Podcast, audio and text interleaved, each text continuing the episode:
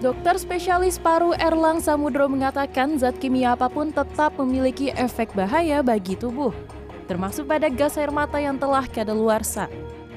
Di antaranya iritasi mata hingga gangguan pernapasan.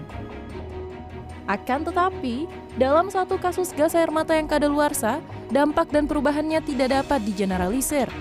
Perlu ada penelitian dan observasi lebih lanjut untuk memastikan seberapa banyak kadar atau konsentrasi bahan kimia tersebut terurai. Nah, uh, zat kimianya ini juga bisa berubah, apakah dia berubah bentuk atau berubah kadarnya atau menjadi uh, ter, ter namanya berubah lagi jadi zat yang lain.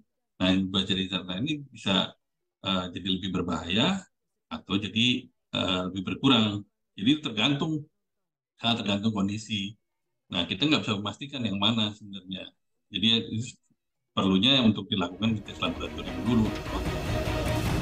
Ahli toksikologi kimia Universitas Indonesia Budiawan mengatakan, gas air mata yang sudah kadaluarsa tidak berarti zat kimia aktifnya hilang.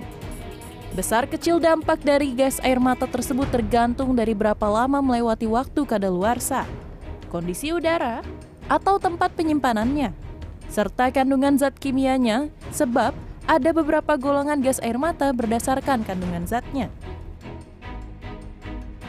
Pertanyaannya, eh, kadaluarsanya ini eh, apakah lebih berbahaya dari awalnya? Ya jelas kalau perbedaan kimia dan perubahan pasti kan pasti berbeda dong antara zat asal kan memang targetnya misalnya untuk iritasi sangat berat dan bahkan juga uh, merusak tubuh gitu ya. Tapi kalau sudah kadaluarsa artinya kan uh, bahan kimia kan berubah. Kalau bahan kimia berubah berarti efeknya juga ada perubahan. Tapi saya Meski demikian, Budiawan meragukan bahwa gas air mata yang kadaluarsa dapat terurai menjadi gas sianida. Memang salah satu zat kimia yang terurai dalam gas air mata kadaluarsa ialah melanonitril yang mengandung unsur sianida. Namun, konsentrasi sianida tersebut tidak dominan. Putih Van Fudi, Jakarta.